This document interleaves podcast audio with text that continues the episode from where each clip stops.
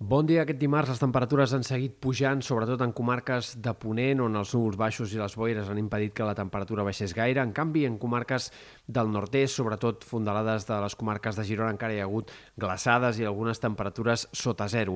Pujarà també, però, la temperatura en aquests sectors de cara a les pròximes nits. De fet, és on ho farà més de cara a les nits de dimarts a dimecres i de dimecres a dijous, que seran les més suaus de la setmana. Esperem que encara s'enfili més el termòmetre i que, per tant, entrem en una fase de temperatures molt suaus de nit, mínimes que seran més de primavera que no pas d'hivern durant les dues pròximes matinades. En canvi, al migdia, aquesta pujada dels termòmetres es notarà més en alguns sectors que en d'altres. Per exemple, a les Terres de l'Ebre i en sectors de les comarques de Girona sí que entre demà i dijous encara pot haver-hi màximes que superin els 20 graus. Fins i tot a les Terres de l'Ebre podria haver-hi algunes màximes a tocar dels 25 graus i en canvi, eh, com més a Ponent i més al Pirineu, doncs al migdia, els pròxims dies, la temperatura no s'enfilarà tant i seguirà un ambient més hivernal. Esperem diversos canvis de temps aquesta setmana que puguin arribar a portar una mica de pluja. El primer, aquesta pròxima nit, deixarà algunes precipitacions minces en moltes comarques de Ponent, eh, fins i tot en sectors de l'altiplà central, comarques del sud, es poden arribar a acumular entre 2, 3, 4, 5 litres per metre quadrat en alguns casos.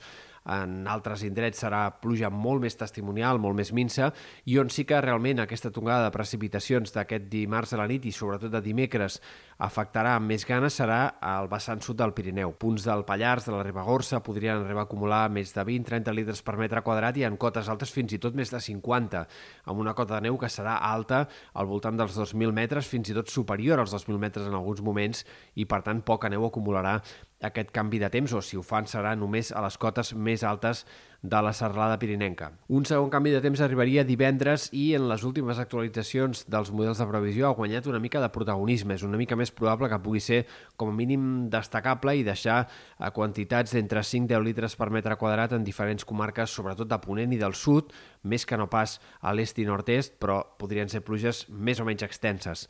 Haurem d'anar veient com es configura aquest canvi de temps. De moment encara no està garantida aquesta tongada de pluges mínimament significativa, potser acabaran sent quatre gotes, haurem d'anar veient com evoluciona, però sí que és veritat, com dèiem, que en les últimes actualitzacions dels models de previsió han augmentat una mica les possibilitats que divendres pugui ploure de forma mínimament decent. Al cap de setmana, en canvi, tornaria un temps més estable i hi hauria una baixada clara de les temperatures. A partir de divendres, aquest canvi de temps obrirà la porta a una massa d'aire més fred i al cap de setmana i a l'inici de la setmana que ve tornarem a tenir un ambient molt més d'hivern i més típic per l'època del que eh, tindrem en aquestes dues pròximes jornades. Sembla que però el fred durarà poc i que més aviat de cara al tram final de gener el que esperarem és un temps estable i amb temperatures altes per l'època, sobretot als migdies. I per últim destacar també que el vent serà un dels protagonistes també del temps d'aquest dimecres i dijous, un vent entre Ponent, Garbí, que es deixarà sentir en molts indrets, en general sense ratxes fortes, però sí que en alguns punts alts de la Catalunya central i sectors del Pirineu Oriental podria haver-hi alguns cops de vent forts